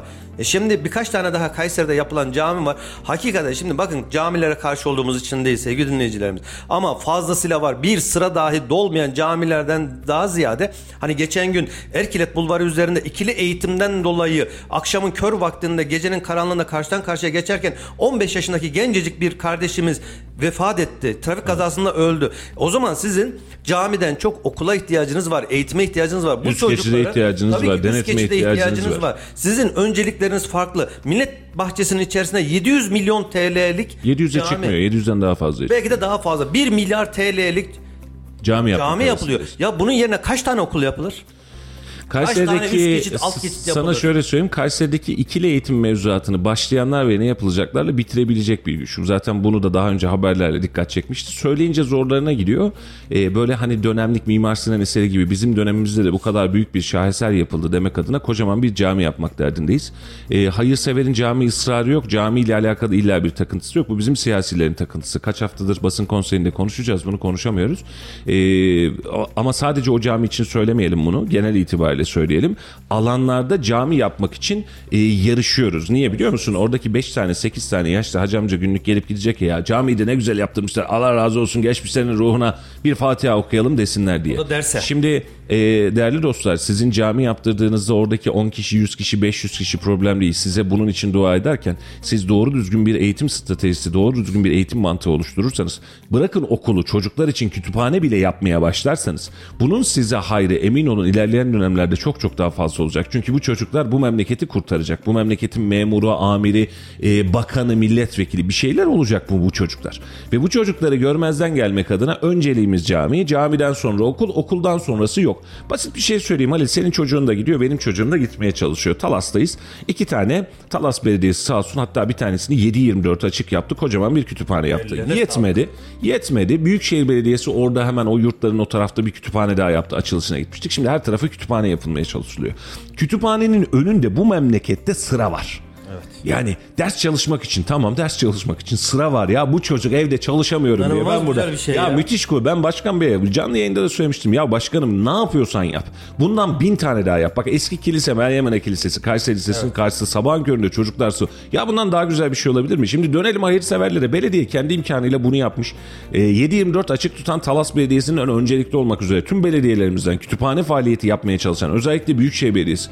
Allah gani gani razı olsun. Şimdi dönelim bir başka kısma. Hayırsever diyor ki bir şey yapalım. Hadi kütüphane yap. Yap ya kocaman kütüphane yap. Şu memlekete en güzeli hizmet kütüphane Yap. ya. Yani bizim kafelerimiz gece saat 1'e 2'ye kadar açık olacak. Canlı müzik yapıyoruz diye, ot satıyoruz diye, bilmem bir şey yapıyoruz diye. Biliyorsun söyletmeye gerek yok. Bunlar açık olacak. Benim kütüphanem saat 11 dediğin zaman kapatmak zorunda kalacak. Benim kütüphaneme gidecek öğrenci dışarıda sıra bekleyecek. Soğukta, sıcakta, ayazda. Ya çorba mı veriyorum? Ver. İşte çay mı veriyorsun? Ver. Yemek mi veriyorsun? Vallahi ver. Ya benim öğrencime gidiyor kardeşim. Benim çocuğum orada olsun olsun olmasın önemli değil. Bu çocuklar yetişecek gelişecek. Ve sen bunu yaparken hayırsever tarafına dönüyorsun hayırsevere gidiyorsun. Şimdi bak SMA'lı çocuklarla alakalı gittiğimiz birkaç hayırseverin cevabı. Ya okul mokul varsa bize bana bize onu söyleyin. Niye bu çocuklar çocuk değil mi? Bu çocukların yaşama imkanı yok mu? Bu hayır değil mi kardeşim? Yani okulda illa adın görünecek ve kendini övgüyle bahsettireceksin. Açılışında bunlar gelecek. Sen neyin kafasını yaşıyorsun? Sen bu neyin kafası? Neyin hırsı? Yani bak hayırseverliğin bile şöyle düşün Halil'ciğim sen diyorsun ki kardeşim ben para veririm peki ama benim üstte ismimi en üste yazın. Yazmazsan vermem. Hayır mı bu? Gösteriş. Başka bir şey değil. Senin derdin hayretmek değil ki o zaman. Değil. Onu da yap öbürünü de yap. Birbirinden ayırt etme. Okul da lazım bu memlekete. O çocukları hayatta tutacak e, sağlık sistemine o büyük paraları ödeyecek bir yardım gecesi de lazım. O da lazım, o da lazım. Hepsini yap. Ama bu memleketin birinci önceliği cami değil. Bunu artık anlayın ne olur. Yöneticilerimiz, iş adamlarımız, belediye yetkililerimiz, bürokratlarımız bunu anlayın. Bir sıra dahi olmayan camilere ihtiyaç yok. Ama önünde benim oğlum diyor ki baba diyor saat diyor 8.30'da evden çıkmam lazım. Peki kütüphaneye gideceğim. Oğlum çok erken değil mi diyor. Hafta sonundan bahsediyorum. Hafta içinden değil. Yer bulamıyorum. Baba diyor yarım saat sonra diyor 9'da gidersem diyor yer kalmıyor diyor. Ben diyor dışarıda kalacağım diyor. Ben diyor kafede orada diyor sigara içilen ortamda ders çalışmak istemiyorum diyor. Orada zorunlu olmak istemiyorum diyor. Arkadaşlarıyla birlikte gidiyorlar. Çok güzel ortamlar var. Ben de gördüm. Muhteşem ya yapın kütüphane yapın. Bir değil 10 tane değil 100 tane yapın. İnanın ihtiyaç var. Aynen öyle. Yapın. Ya bizim üzerimize de radyo radar ve Kayseri radar olarak üzerimize düşen bir şey varsa biz elimizi değil gövdemizi koyalım bu işe. Ama bu çocuklara yardım edin. Bu çocuklar okuyacak. Bu çocuklar adam olacak. Geleceğin yöneticileri, geleceğin iş adamları, geleceğin bürokratları, öğretmenleri, doktorları, hakimi, savcısı. Bizim asıl gençlere bunlara önem vermemiz lazım. Şimdi bunları konuşurken de Halil e, buna anlatacak fikir önderlerine ihtiyacımız var. Şimdi siyasetçi caminin açılışına ya da cami protokolünde çok rahat hareket ettiği için camiyle alakalı bu uygulamayı çok rahat yapabiliyor. Okulda kısmen onu da rahat Hani biraz da dini inanca kimse Tabii, bir şey tabii, de tabii, demiyor. tabii, tabii, yani tabii. oraya giden milyar milyar dolarlar da harcasak o ya Yok cami ya, dini. Sen şimdi Oo, mesela şunu kimse söylüyorsun bir şey söyleyemiyor. Ya, şimdi şu konuşmanın belli kısımlarını kesip bunlar komünist kardeşim cami istemiyorlar diye servis edebilecek mantıklar var işin içerisinde. Aynen böyle cımbızla çekerler. Aynen öyle. Ya kardeşim benim camiyle problemim yok ki. Camideki kapasiteye bir bak, doluluğa bir bak. Şu an o camiye gidebilecek e, uğreviyata ulaşmış, mantığa ulaşmış, bilince ulaşmış bir cemaate ihtiyacım var benim. Sen istiyorsan milyon tane cami yap. Şimdi Çamlıca'ya gittik kocaman bir cami yaptık. Bak çok da güzel bir eser. Ellerine emeklerine sağlık. Kandil'de vesaire bir bakıyorsun insanlar toplu halde oraya gidiyor. Bak ne kadar güzel. Peki diğer vakitlerde diğer vakitlerde ikindi namazına bir gidin, sabah namazına bir Adam gidin. yok Bakın ya. Oluyor? Adam yok. Ya demek ki dağın başına, tepenin başına çok güzel bir... Ya şimdi hava ikmal bahçesine, hava ikmali millet bahçesinin içerisine. Şimdi bu işin çıkış süreci şuydu. Cenazeler Honat'tan, Cami Kebir'den kalkıyor millet bahçesinin oraya. Yani o alanda bir cami yapılsa da cenazeler gitse oradan kaldırılsa, şehir içerisindeki kalabalık çıksa, büyük de bir cami olsa. Çünkü büyük cenazelerimiz oluyor. Örnek veriyorum. Devlet büyüklerinin oluyor, şehitlerin oluyor vesaire oluyor. Olsun. Tamam ne kadar güzel. Ama şu an sen Hulusi Akar'la bunu zaten yaptın. Yetmiyor mu Yaptın Hulusi Akar? zaten. Fazlasıyla Şimdi yetiyor. söyleyince Memduh Başkan bu anlamda tek suçlu değil. Kimse kusuruma bakmasın. O illa ısrarla demiyor. Siyaset ona baskı yaptırıyor burada yapılacak diye. Ya kardeşim senin bir trilyonluk camiyle ne işin var? Ne işin var ya? Yani şu an itibariyle hesaplanan rakam 1 milyon yani 1 trilyon civarında. Yani 1 trilyonun hesabını bir yapın. Milyon milyon milyon bundan bin tane biriktiriyorsunuz. Ondan sonra trilyona ulaşıyorsunuz. Etmeyin. Yani 700 milyon, 800 milyon, 900 milyon döndünüz 1 trilyon. Sizin milyon dediğiniz rakamı şu an 5 milyonu verince fabrika açıyorsunuz bu memlekette 5 milyona. 10 milyona kocaman entegre tesis yapıyorsunuz. 50 milyon verecek filan olursanız ya dünya çapında ya da Türkiye çapında en iyi tesislerden birini yaptım diyorsunuz. Vatandaşın ekonomiye ihtiyacı var, geçime ihtiyacı var, hayra ihtiyacı var. Var oğlu var. Ne istiyorsan var. E Şimdi kızınca da siz cami istemez misiniz? Yok isteriz. Benim evin önüne de yapacağım canım sıkıntı yok. Ama bu yani kimse kusuruma bakmasın bu tür hadiseler varlık döneminde tartışılacak hadiseler. Şimdi senin böyle devasa paraların olur, geçim sıkıntın olmaz, ekonomik problemin olmaz. Her şeyin yerli yerindedir. Efendim ibadethaneler de yapalım yapalım. Ama bak çok güzel bir şey söyledin. Camilerimiz Toki camisine döndü. Ya cami yapıyorsun. Caminin bir estetiği vardır. Mimari estetik vardır. Bakın dünya tarihinde mimari akımların tamamı kiliselerin yapım şekliyle alakalıdır. İşte gotik dersiniz vesaire dersiniz. Bunlar hep kilise. Yani dini merkezleri yaparken üzerinizde sanatınızı kullanırsınız. Bizim sanata bir bakın. Toki Camisi. Çok güzel söyledim. Birkaç bölgede beraber gördük. Abi bir minare yapıyor adam. Minare boru gibi tamam mı? Enteresan bir Soba mimari borusu şey. Aynen soba borusu gibi. Böyle lambiriden boru çevrilmiş gibi. Caminin cüssesiyle alakası yok. Çünkü minareye bir standart yapmışlar. Kalıp var anladığım kadarıyla. Ben bu kalıpla devam edeceğim diyor. Alçıdan çıkar Ha, gibi. Aynen öyle. Abi bir bakıyorsun cami küçücük. Minare enteresan. Boyu enteresan. Estetik facia. Ne yapıyoruz? Ha çok güzel yapılanlar da var ama bunlar da hakikaten e, yuh artık dedirtiyorsun. Yani yapıyorum diye yapma bunu da 800 ya. sene önce, 1000 sene önce Selçuklu döneminde, Osmanlı döneminde o yani en küçük bir mahalle camisinde bile inanılmaz bir estetik var, bir taş işçiliği var, sanat var ya sanat. Ama şimdikilere bir bakıyorsun inanılmaz kötü. E şimdi bakın e, başka bir konuya e, değineyim konuyla alakalı. Şimdi hem Osmanlı döneminde Selçuklu döneminde bir cami tek başına cami yapılmazdı birçok yerde. Külliye mantığı. Buradaki külliye mantığından hemen saray algısı çıkmasın. Külliye demek ne demek? Caminin yanında vakıf Kampüs alanı diye. kampüs alanı, vakıf var. Orada bir aşevi mantığında yer var. Eğitimin, tevhidi tedrisatın olduğu bir bölge var. Kütüphane var. Gençlerin olduğu ve zaman geçirdiği yerler var. Şimdi bunu çoğunlukla Bursa ve İstanbul özelinde birçok camide görüyoruz. Cami sadece cami değil. Orada çay ocağı da var. Orada kütüphane de var. Orada bir eğitim alanı da var. Gençler de var. Ne yapıyorlar bunlar? Hem orada dersine çalışıyor. Çayını kahvesini içiyor. Oranın tuvaletleri de görevlisi olduğu için çok çok temiz. Ve bu çocuklar da vakit namazı geldiği zaman namazını kılıyor 10 dakika 5 dakika. Geliyor dersine devam ediyor. Yapabiliyorsan hadi buyur. Bunu yap. Milyon tane yapar. Milyon tane yap. Sen o zaman hem dünyayı hem ahiretini de kurtarırsın. Mesela Bu şunu yapamaz mıydık. Halil aynı mantıkta Ee, koca koca camiler yapıyoruz. Altına oradaki mahalledeki vatandaşın ve çocukların çalışabileceği derslik alanlar, kütüphaneler yapamaz mıydık? Yapardık. Yapılır ya zor Milyon bir şey tane yaparız. ya. Milyon tane yaparız. Ha yani bizdeki camilerin hadisesi şuna döndü zaten. Ne yazık ki yani bu da bir kültür e, problemi aslında. Cami e, yoksulun, e, üşüyenin, açın, uyumak isteyenin geçici olarak bir şey. Yani bu cami herkes için açık bir kapıydı. Gece gündüz açık olur, kapısı açık olur. Girersin. Yoldan geliyor adam ya, ya babam uzun zaman uzun yol şoförlüğü yaptı. Çok darda kaldı vesaire. Oradaki cami ne var? Cami kapısını itersin, girersin içeriye. Uyursun orada da ya gerekirse. Kirletmezsin çünkü orası bir mabet. Kirletmezsin, yani. batırmazsın ama uyursun uyuyacaksan. Oturursun dinleneceksen, kitabını okursun istersen. Şimdi bir bakıyorsun hoca camiyi açtı mı açmadı mı? Cami bu mu? Ben bu kadar alanı, bu kadar büyük malzemeyi, bu kadar büyük e, mimari yapıları ben sadece yine söylüyorum bir ayağı çukurda 10 tane hacı babam gelsin de burada namaz kılsın diye mi yaptım? Kılmasın demiyorum kılsın abicim ben onlara da varım ama etmeyin. Yani bizim bunun için devasa devasa her yerde her yerde tamam bunların gönlünü hoş edelim. Sonra gençleri ne yapacaksın? Babamın rahmetli babam çok güzel bir sözü vardı. Derdi ki oğlum derdi. Yaşlıların namaz kılması gündüz yanan sokak lambasına benzer. Ama gençlerin namaz kılması gece yanan sokak lambası. Ne kadar güzel söyledin. Gündüz zaten la- zaten aydınlık. Lamba yansa ne olur, yanmasa ne olur? Ya şimdi yani biz de yaşlanacağız, ömrümüz yeterse o günleri göreceğiz. E, belimizin büküldüğü, bir ayağımızın çukura düştüğü zamanlar. Eyvallah da ya şu gençlere önem verelim ya. Gençler önemli. Bu çocuklar eğitim istiyor. Bu çocuklar öğretim istiyor.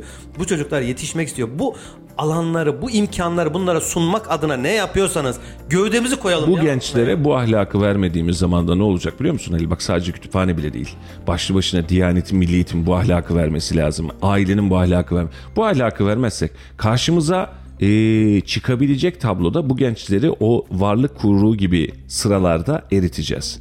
Yarın arkadaşı acından ölüyor olsa, sendroma girse, eee, sancı yaşıyor olsa bana ne diyecek? Eee, ailesi, annesi, babası yarın yatalak düşkün olduğunda bana ne devlet baksın kim ne yapıyorsa yapsın diyecek. Huzur Bu çocuklar tabii ki. Bu çocukları yarın devletin başına geldiğinde devletin malı deniz yemeyen domuz diyecek. Ben cebime bakarım bana ne diyecek. Milli değerleri oturtmazsam bu çocuk yarın bir gün Allah göstermesin biz çok esnek bir alandayız. Yani tamam bakmayın 50-100 yıldır savaşımızın olmadığına. Biz her gün PKK ile e, mücadelesinin savaşını veriyoruz ve beraberinde yarın bir gün yeniden bir başka savaşa da o zaman vatan savunması mesele olduğunda bana ne beni niye ilgilendirir ki diyecek. Sen bu çocuklara bunu vermezsen yarın bir gün hiçbir şey isteyemeyeceksin bu çocuklardan. Bomboş bir nesil yetiştiriyoruz demiyorum. Benim Z kuşağından hala çok ciddi umutlarım var. Baş- başka bilinçler oturuyor çünkü onlarda da. Ama milli ve manevi değerlerimizi eğer bu enjeksiyonun içerisine katmazsak biz bu çocuklara anlatmazsak yarın bir gün o camilerin yerine ya yıkalım da buraya eğlence merkezi mi yapalım diyebilecek gençler çıkartacaksın ortaya. Çünkü hiç göndermemişin ki oraya. Hiç gitmemiş ki. Hiç hissetmemiş ki. Zorluğu da hissettirmemişin ki. görmemiş, hiçbir şeyi görmemiş. Yani şimdi bizim jenerasyon bir miktar daha kurtarıyordu Halil. Yardım etmek, hayretmek, insanın gönlüne dokunmak, etrafında hiç tanımadığım bir insana yardım etme coşkusu. Ya bak bizim jenerasyona bakıyorum şuradan bir tanesi tökezlese gidip üstüne koşmaya çalışıyoruz. Bir şey yapmaya. Tanıyalım tanımayalım biri görsün derdinde değiliz. İnsanlık namına bunu yapmaya çalışıyoruz. Çünkü vicdanımız bizim böyle eğitildi. Ama şimdiki gençlere baktığım zaman ne yazık ki bana ne diyor ya? Bana ne? Şöyle yapalım mı? Ee, yarınki konumuzu da biraz gençlere ayıralım. Hatta e, buradan da duyuralım. Sosyolog ya da psikolog e, dinleyicilerimiz varsa yayına da katılabilirler. Gençlerin sorunları, gençlerin tembel olması, gençlerin iş beğenmemesi, maaş beğenmemesi. Şurada bir cenaze varken burada kikir demelerinin sebeplerine bir tane bir bakalım. Ee, Üstad Necip Fazıl'ın Reis Bey kitabında geçen bu hakimle e, idam mahkumuna idama mahkum edilmiş e, vatandaş arasında geçen diyalogda şöyle diyor. Hakim Bey diyor ağlayabilseydiniz anlardınız diyor. Ben bunu 30 yıl önce okuduğumda hala kulağımda küpedir, akıllara zar. Bir şeyleri anlayabilmek için ağlayabilmek gerekiyor galiba. Bunun için de Özümseyebilmek lazım. bunun için de merhamet duygusunun gelişmesi gerekiyor. Vicdan duygusunun gelişmesi gerekiyor. Feridun Bey bak bir şey yazmış. Osmanlı'da en büyük ve şatafatlı camiler devletin çöküş döneminde yapılmıştır. Bak ne kadar güzel. Devlet çökerken koca koca mabetler oluşturuyorsun. Cemaatini oluşturmadan camiyi oluşturuyorsun. Mesele cemaatti. Caminin şekli değildi aslında. Bize cemaat lazımdı. Yani o cemaat ki gerektiğinde bir çimenin üzerine 3 tane karton 3 tane seccade serip cemaat olabiliyordu, hareket edebiliyordu, bir ufku paylaşabiliyordu, bir geleceği paylaşabiliyordu. Şimdi dinin en önemli, en temel birleştirici noktası insanları insaniyet namına getirmek ve toplum oluşturabilmektir. Makine olmaktan çıkartabilmektir. Bir ufka, bir hezeyana, bir bir sonraki hayata hazırlayabilmektir. Anladın mı? Yani sen bu dünyada hayvan gibi yaşama kardeşim. Bak iyiliğin dokunsun memlekete, topluma, çocuğuna, ailene, etrafındakilere iyiliğin dokunsun. Hayırla varsın demektir. Ve bunu yapmaktan çıkartıp sen dini başka bir uzva doğru çekmeye başladığında karşına çıkan din e, ve din şekli koca koca mabetler içerisindeki 3 tane 5 tane adam ama çıkış itibariyle aynı dedikoduya devam edebilen bir e, toplum sürüsüne getirebiliyorsun. Bu kadar caminin açıldığı, bu kadar caminin olduğu yerde mantık olarak şöyle bakmak lazım. Bu kadar bak Kayseri üzerinde de söylüyorum. Bu kadar fazla varsa bizim hırsızlığımızın azalması gerekmiyor muydu? Arsızlığımızın, fuhuşumuzun azalması gerekmiyor muydu? Hepsinin gerekiyordu ya. Camiler bu tebliği en azından devam ettirmeliydi. Bir bakıyorsun bu kadar cami yaptığımız yerde hırsızlığımız artmış, yokluk artmış, yoksulluk artmış, fuhuş artmış, uyuşturucu artmış. Artmayan bir şey söyle bana. Ve bunu sonrasında biz şöyle diyoruz. Efendim devlet, devleti var eden, hükümeti var eden, yarın bir gün seçeceğin hükümeti var eden toplumdaki temel bilinçtir. Biz bu kadar bilinçsiz olduğumuz sürece ya benim yakınım bana da iş ayarlıyor. Bak şuradan da ben belediyede iş var mı efendim? Bana devletten bir tane torpil atabilir misiniz diyebiliyorsak hala kendi adımıza. Bu zaten bizim en büyük hezeyanımız değil mi? Bugün benim için çal dediğin, benim için haksızlık yap dediğin kaç bin tane insanın hakkına girdiğini hesap etmeden bu siyaseti devam ettirebiliyorsan bak dün de konuştuk seninle siyaseten işte e, FETÖ'ydü, PKK'ydı vesaire bak bunların her birini ayrı ayrı konuşuruz tartışırız ama en önemli meselemiz ne Halil'cim? Toplumun içerisinde bulan hırsızlığı legalleştirme, yapılan yanlışlığa ya o kadarcık da olur diyebilme psikolojisidir. Aman efendim boş ver diyebilme durumudur. Ve bu durum bizi getirdiği duruma bir bakın. Allah aşkına bir bakın. Son 10 yıldır, 20 yıldır, 50 yıldır belki birkaç cemaatin cılız çabaları var işin içerisinde. Toplumu yeniden dine, maneviyata, kültüre, yeniden bir milliyetçi tabana, yeniden bir birbirine yardım etme kıvamına ne zaman getirebildik? Yok, getirmiyoruz. Biz bunu konuşunca sanki direkt böyle İslamcı böyle bir şeriat istiyor bu algı olmasın. Bakın bütün dinlerin ortak e, tebliğleri vardır. Aynen öyle. Çalma, çırpma, hırsız olma, adam öldürme, haksızlık yapma, işini doğru yap, komşuna yardım eyle.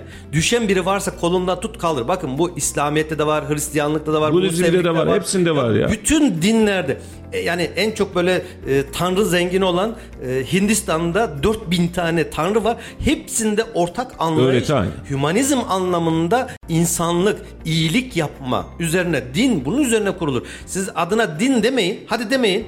Adımız böyle şeriatçı yok İslam şunu yapıyor bunu yapıyor demeyin ya insan olarak Hümanizm olarak yapacağız. Hümanizm olarak bak ya ne bakarsan bak doğru insan çalmayan çırpmayan yalan söylemeyen komşusuna yardım eden vatanı için milleti için ailesi için çalışan üreten birey nasıl eğitiriz nasıl bunları geliştiririz buna bak. Ha şimdi bak biz bunları Adına konuşurken de. de bu toplumu oluşturabilecek dinamikleri anlatıyoruz. Bunu.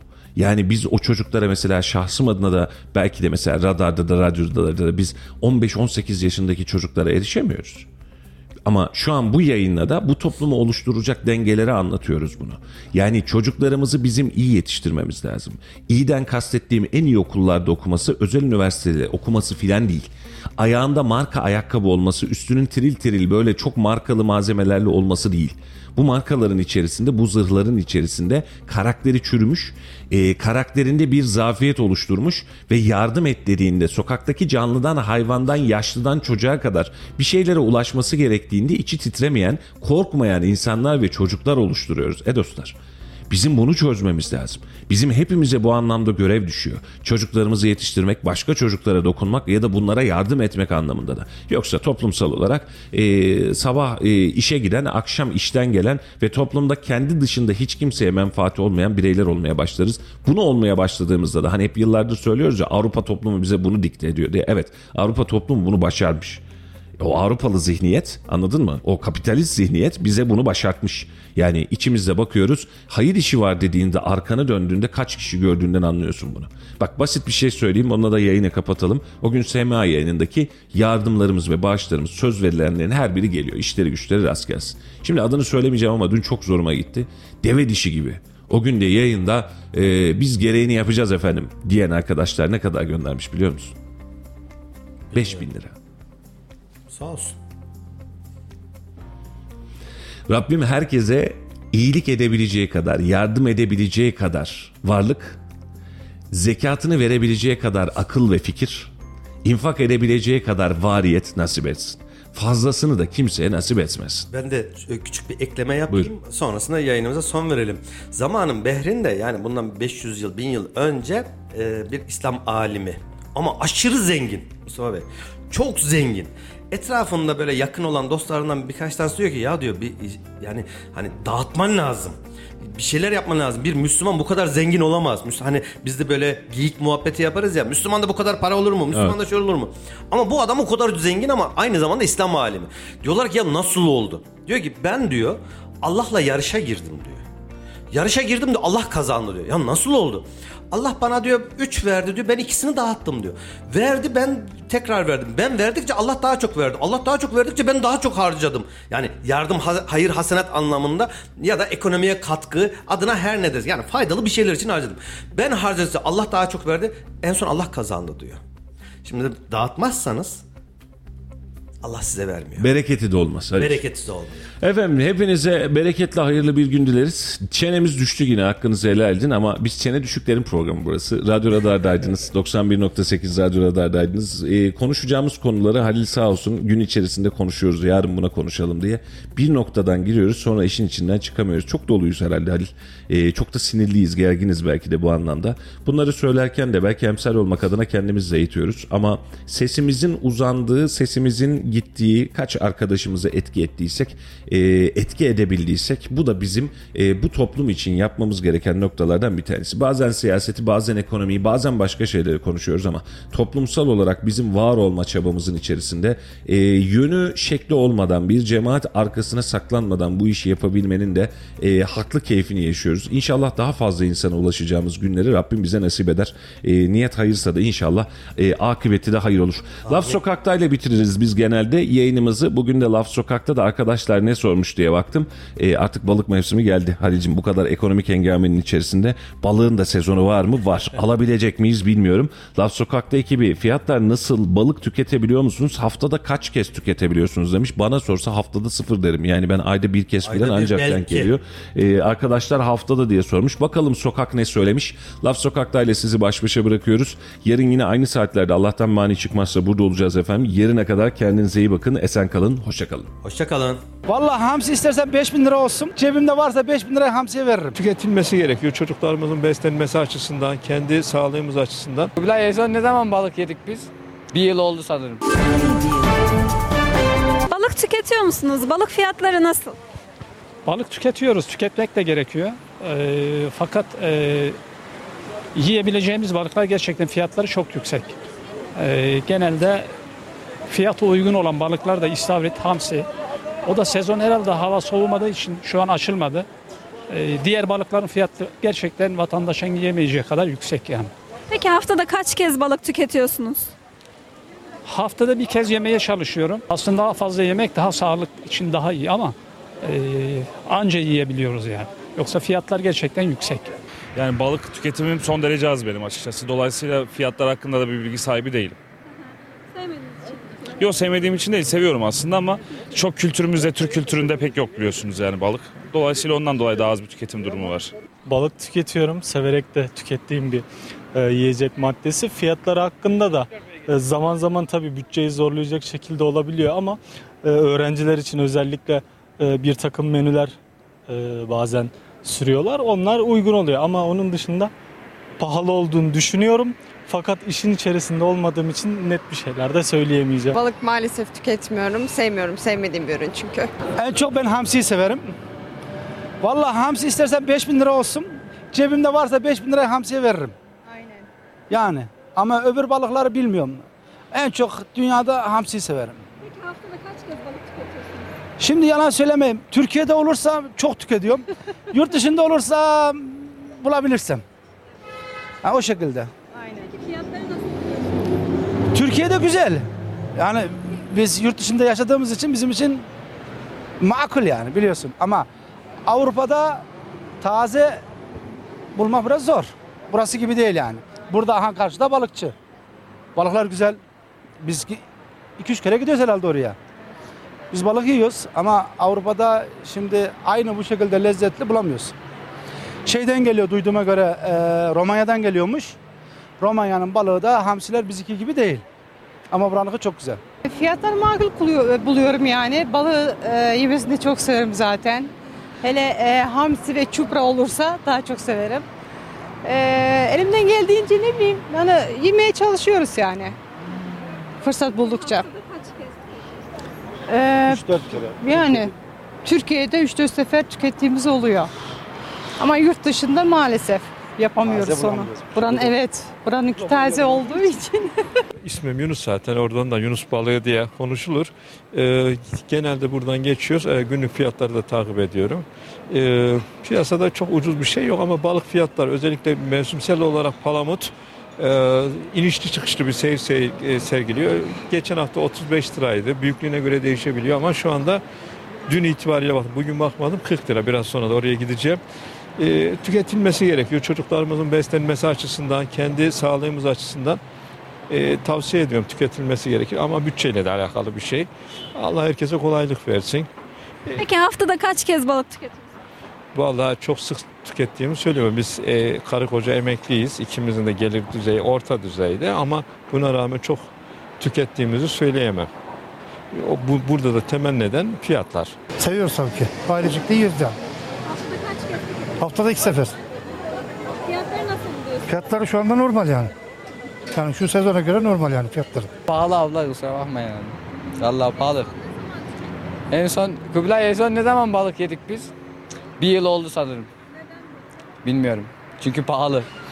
Yani bilmiyorum derken pahalı yani fiyatlar arttı. Bundan sonra para olursa neden olmasın yani. Para kazanmaya başlarsak. Fiyatlardan haberim yok ama zaten tüketmediğim için ben genelde tavuk etini tercih ediyorum. Balık kılçıklı olduğu için çok cazip gelmiyor bana yani. Balık fiyatları cık pahalı yani.